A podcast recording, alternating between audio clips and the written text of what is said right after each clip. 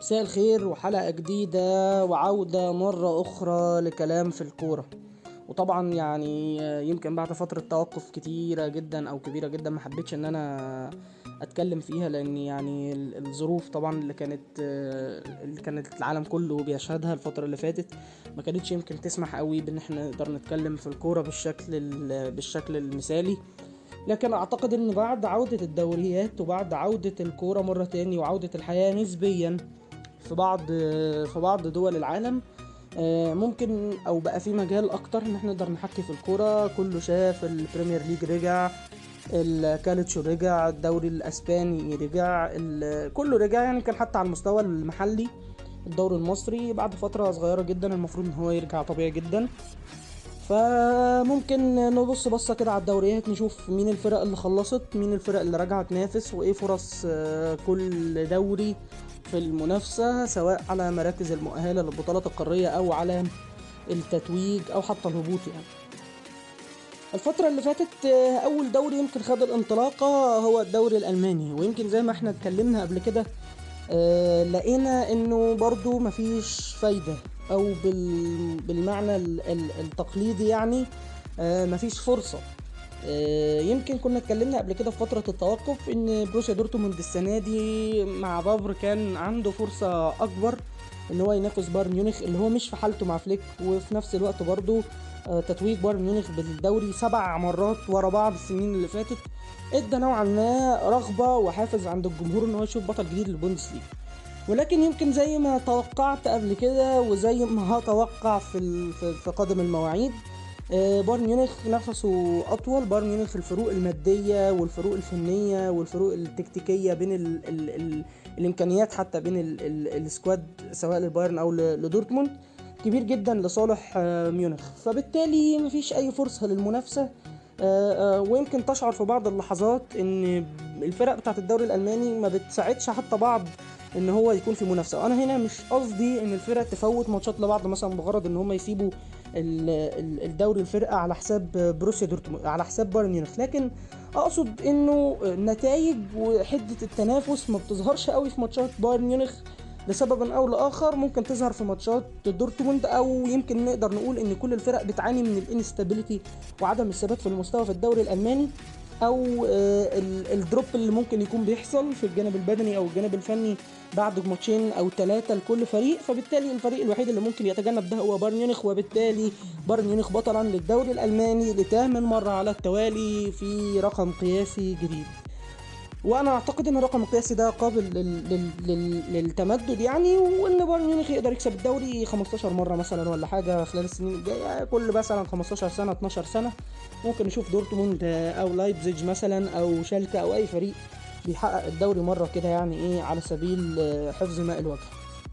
أعتقد إن مفيش أي جانب فني ممكن نحكي فيه. يعني كل الناس بصت على الدوري الألماني بحكم إن هو أول دوري رجع. والرن بتاعت الدوري الألماني عموما ما كانتش مبهرة. يعني مستوى الفرق ما كانش كويس لكن على مستوى التنظيمي ألمانيا يمكن أكتر دولة سيطرت على فيروس كورونا وبالتالي قدرت إن هي ترجع الدوري بدري وفي ظروف ملائمة لعودة الكورة مرة تاني. والبايرن حقق الدوري في مشهد ممكن نكون بنشوفه زي فيلم ألف مبروك كده بتاع أحمد حلمي اللي هو بيتعاد كل يوم بيتعاد كل سنة بيتعاد كل شهر بيتعاد كل موسم وبايرن ميونخ بطل الدوري مرة تاني. فيمكن مش هنحكي كتير على البوندسليجا لكن آه، نتمنى إن يعني السنين اللي جاية يكون فيها يعني شكل تنافسي مختلف شوية. آه، دوري تاني من الدوريات اللي رجعت وهو الدوري الإيطالي. وهنا أنا يمكن اتكلمت قبل كده وقلت إن الدوري الإيطالي آه، في نقطة مختلفة خالص عن الدوري الألماني بالرغم من تشابه النتيجة وإن في بطل واحد هو اللي بيكسب الدوري إن الدوري الإيطالي محتاج نفس طويل بعكس الدوري الألماني. الدوري الألماني مش قصة نفس. الدوري الألماني لو في فرقة آه، عندها القدرة إن هي تنافس بربع ال- ال- التنافسية اللي موجودة في الدوري الإيطالي هتقدر إن هي تكسب الدوري. على الأقل مثلا لو شفنا فرقة زي نابولي 17 18 أو زي روما في 15 16 أو زي حتى السنة دي آه، لاتسيو أو الإنتر. لو في فرقة بتأدي بنفس الطريقة دي في الدوري الألماني دلوقتي كان ممكن الوضع يكون يختلف. ولكن هنا في الكالتشو ال run اللي خده يوفنتوس آه، ما كانش مبهر. كلنا شفنا اليوفي بيكسب بالعافية في نص نهائي كأس إيطاليا وبيخسر في النهائي من نابولي في الاولمبيكو بضربات الجزاء. لكن على مستوى الدوري ما كانش ال- الأداء مبهر. لعيبة يوفنتوس كلها باين عليها الإرهاق البدني. رونالدو مش في حالته خالص آه، مفيش أي لعيب من ال- ال squad الأساسي مثلا زي باولو ديبالا أو أي حاجة لأنه كان لسه مثلا متعافي من من كورونا. فإحنا بنتكلم في فكرة إن يوفنتوس ما كانش هو ال- اليوفي اللي إحنا معتادين نشوفه. وبالرغم من ذلك قدرنا إن إحنا نشوف يوفنتوس تقريبا هيخلص الدوري حسابيا بعد يمكن ال- الماتش بتاع لاتسيو وأتلانتا والأتلانتا قدر ان هو يكسب فيه 3 2 وتعثر الإنتر قدام ساسولو 3 3 يعني من الآخر كده كل فريق بيقول إن كده المنافسة خلاص انتهت. ويمكن أعتقد إن الدوري الإيطالي السنة دي ادى مؤشر إن إحنا ممكن السنة السنين الجاية ممكن إن إحنا نشوف حاجة مختلفة. ولكن الكلام ده كله هيتوقف على السياسات اللي هتضعها كل إدارة نادي.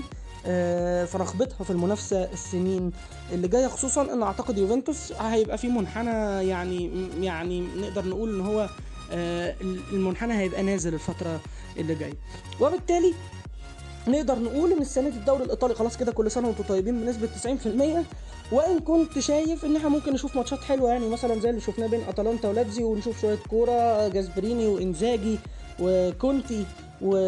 و... و... وكذا مدرب ممكن ان هو يقدم لنا ماتشات كويسة ولكن في حدود الكرة الكويسة فقط وليس التنافس أو التتويج بالبطولات.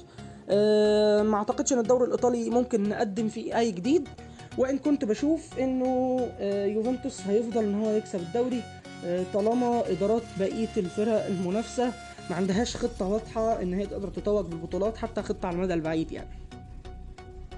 دوري كمان آه، نقدر إن إحنا نحكي فيه خلاص بقى وأخيرا بعد 30 سنة وبعد الذل وبعد آه، كامباكات يعني عمرها ما اكتملتش آخرهم زحلقة جيرارد في 2014 وبعد صراعات وأحلام يقظة وأحلام نايمين وأحلام صاحيين وأحلام ميتين.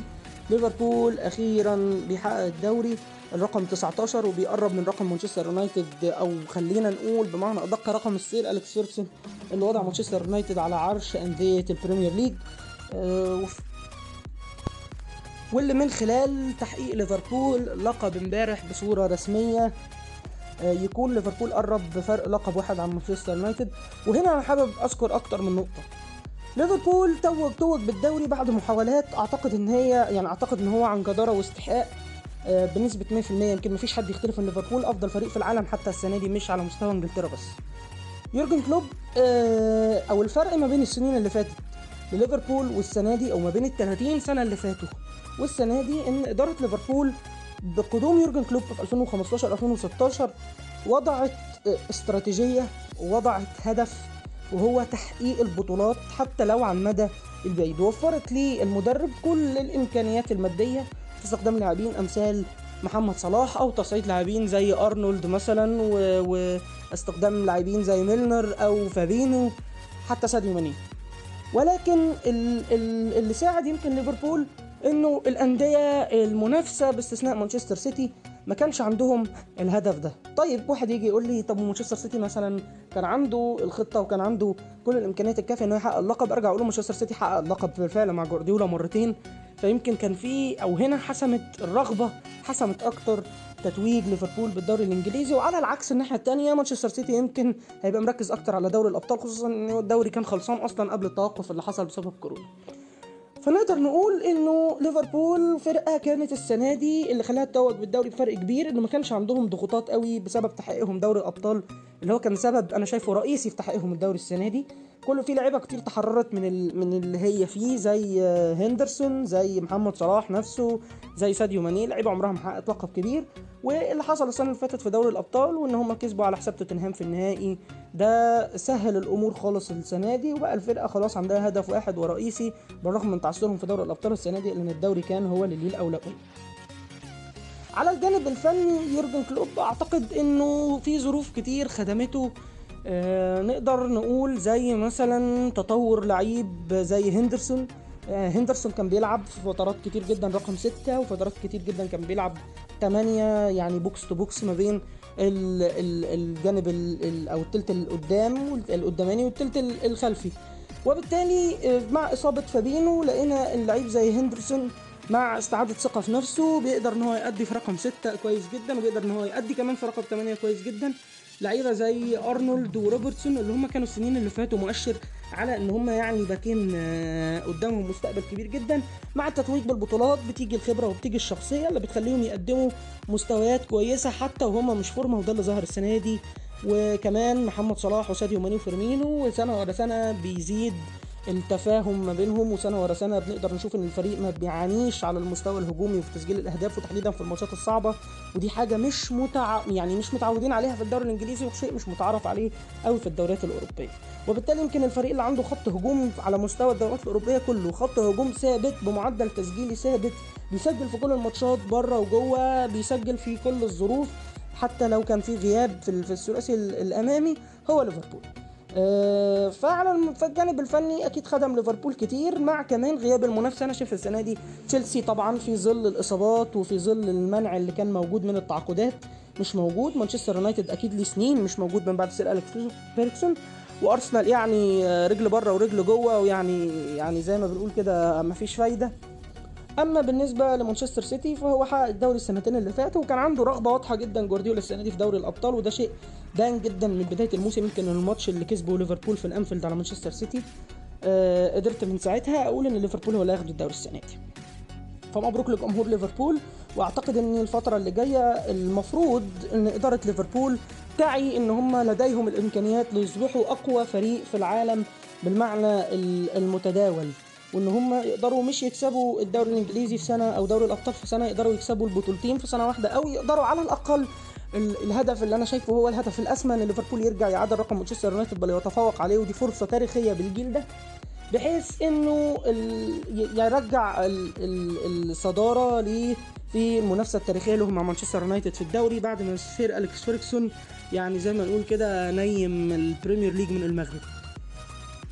وبالتالي آه، نقدر نقول إن إحنا قدام دلوقتي حاجة من الاثنين لا إما الفريق هيبقى فريق الموسم وفريق اللقطة زيه زي كل الفرق اللي أنا شايفها في الدوري الإنجليزي أو حتى بقية الدوريات بيجي لها كده يعني وقت وتظهر في موسم أو اتنين. آه ويختفوا بعد كده زي تشيلسي مثلا زي من آه آه زي يعني مش قادر أقول مانشستر سيتي طبعا لكن في أكتر من فريق ممكن بنشوف في الدوريات الأوروبية ممكن يظهر موسم أو اتنين ويكون معاه جيل قوي. أو قدامه اختيار تاني ليفربول إن هو يبتدي يفكر إزاي يقدر يسيطر على إنجلترا بالطول والعرض. وأنا شايف إن دي حاجة مش بعيدة خصوصا إن كل الفرق اللي حوالين ليفربول باستثناء مانشستر سيتي ما هياش الفرق اللي ممكن تهدد سيطرة فريق بعينه يعني. وده هيبقى تحدي ليفربول الجديد خصوصا إن معدل أعمار اللعيبة مش كبار وخصوصا إن الفريق عنده الإمكانيات المادية اللي تساعده إن هو تدعمه في إن هو يدعم صفوفه في فترة الانتقالات الجاية أو فترة حتى الانتقالات الشتوية. وده أنا شايفه هو التحدي الجديد لإدارة ليفربول. آه نيجي للدوري اللي أنا حابب إن أنا أتكلم عنه بقى بطريقة مكثفة وبطريقة كبيرة واللي أنا سايب له يمكن متسع شوية من الوقت. وهو الليجا الدوري الأسباني اللعنه أي حاجة حط أي مسمى حط أي حاجة. لأن أنا بصراحه كمشجع مدريدي وهنا أنا لازم اتكلم كمشجع مدريدي يعني بعيدا ان أنا هقول رايي بحياد لكن كمشجع مدريدي زهقت. عايز اكسب الليجا مش معقوله يعني في اخر 12 سنه كسبت الليجا مره 2008 ومره 2012 ومره 2017 يعني ما فيش مرحله حتى من عمري كسبت فيها الليجا مرتين ورا بعض تقريبا. يمكن من أيام 2004 و2005 و2006 والفترة اللي هي ما بين عهد الجلاكتيكوس وعهد النيو جلاكتيكوس بتاع رونالدو بتاع فلورنتينو بيريز يعني.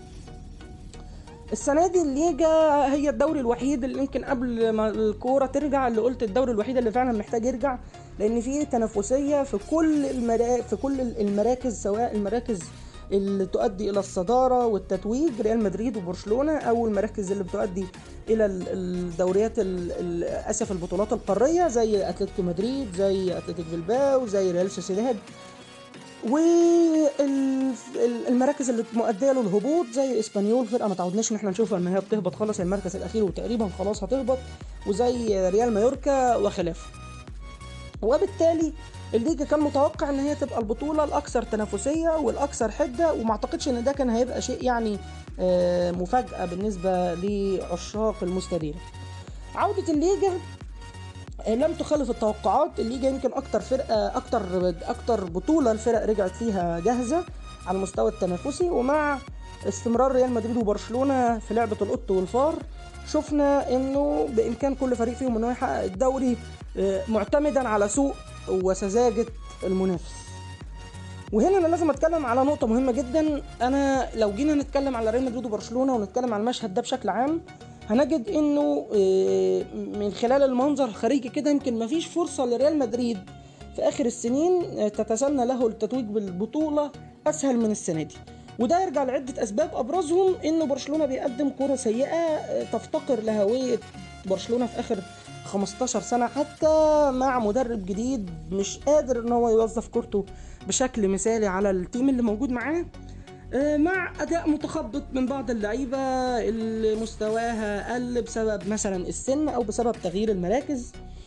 فبالتالي ريال مدريد كان أو المفروض إن هو دلوقتي قدام فرصة مش بتتكرر كتير إنه يكسب الدوري السنة دي ولكن ريال مدريد ال squad بتاعه ناقص عنصر مهم جدا وهو العنصر الأكثر تاثيرا في وجهة نظري في التغير الخططي اللي بيعمله زين الدين زيدان وهو العنصر اللي بسببه انت داخل أي ماتش حتى لو انت أفضل من المنافس بتاعك وليكن مثلا زي ماتش ريال مدريد وإسبانيول.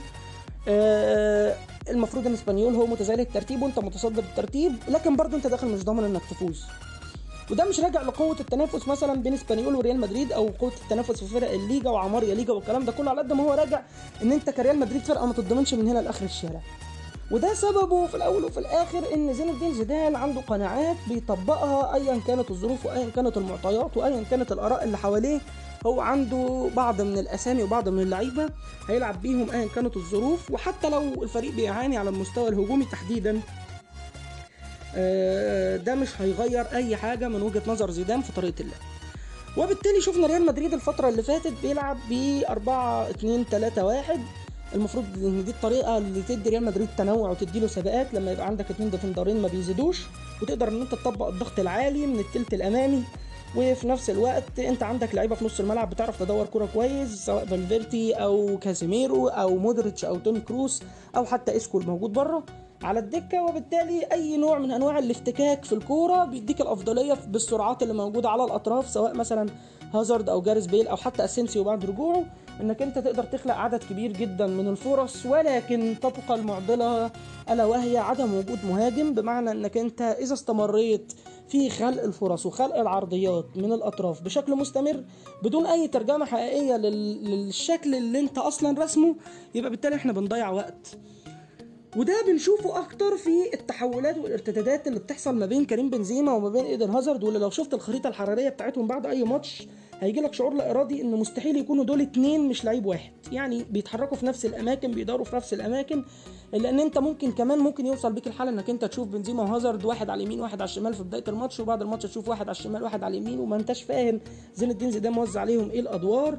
وبيضطر ساعتها لعيب زي فالفيردي يقوم بدور ال second striker ويقوم بدور المهاجم الثاني اللي بيزق من قدام المنطقة.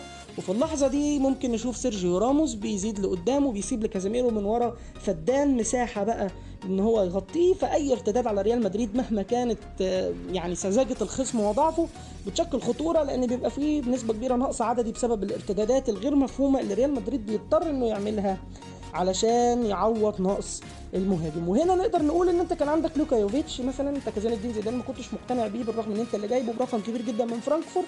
وفي نفس الوقت عندك لعيب زي ماريانو اللي كل ما بينزل ممكن يعمل لك لقطة يعني تفضل معلقة مع الناس زي مثلا هدفه الثاني في الكلاسيكو اللي أنا بشوفه من أفضل أهداف الموسم.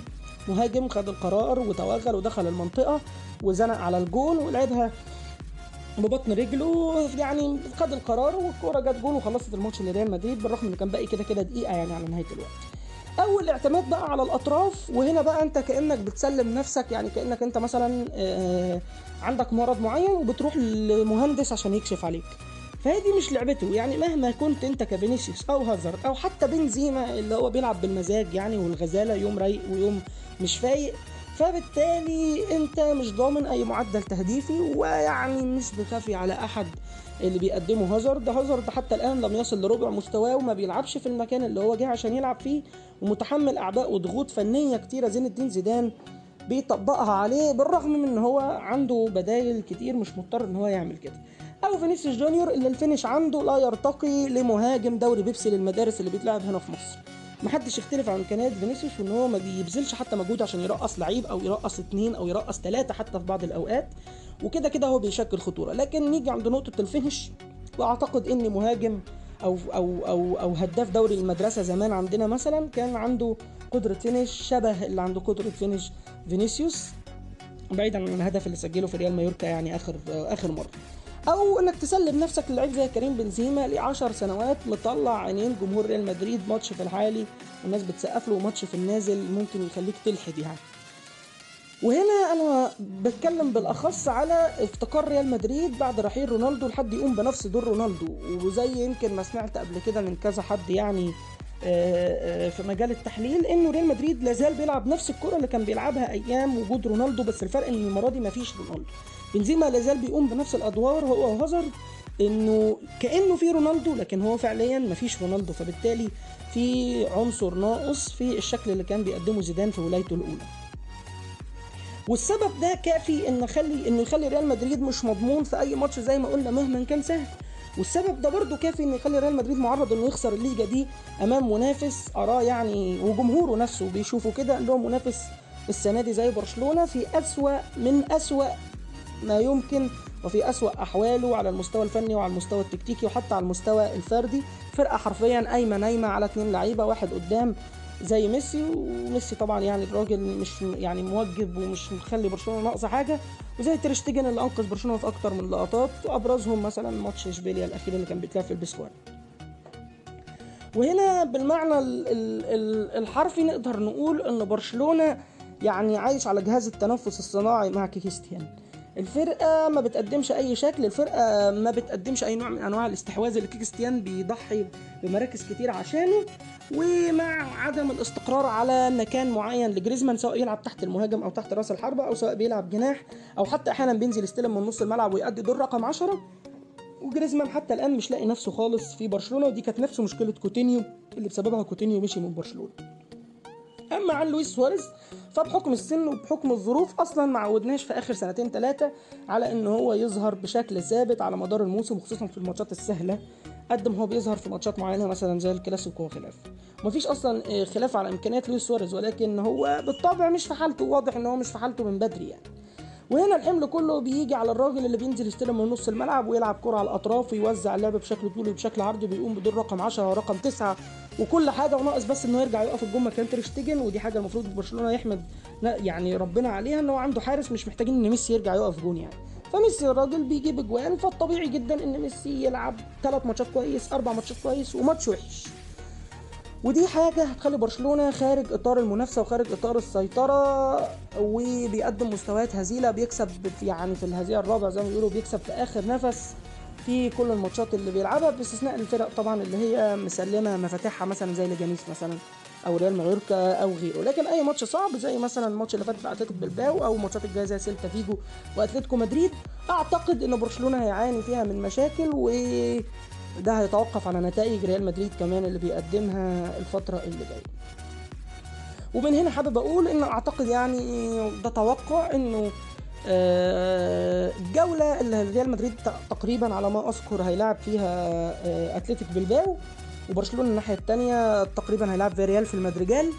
أعتقد إن هي دي الجولة اللي هتحدد الليجا خصوصا إن فيما تبقى للفريقين من بعد الجولة دي مش هتكون ماتشات صعبة على الإطلاق. آه ومن هنا نقدر نقول إن الليجا إحنا ضامنين إن هي هتستمر حتى المنافسة فيها لمدة أسبوعين ثلاثة جايين على الأقل أو جولتين يعني ثلاثة جايين على الأقل. وإن كان على الورق ريال مدريد أقرب فكوني مشجع لريال مدريد بحب أقولها كده يعني بالفم المليان زي ما بيقولوا. آه مفيش حاجة مضمونة خالص مع ريال مدريد. آه هنرجع المشاكل والحديث الفني والحديث التكتيكي الحلقة تاني للفرق الأخرى يعني باستثناء ريال مدريد وبرشلونة. وهنستنى ونشوف الكورة رايحة على فين الفترة الجاية. أتمنى إني كنت آه بقدم يعني كلام خفيف ولطيف كده على الناس في الفترة دي. سلام.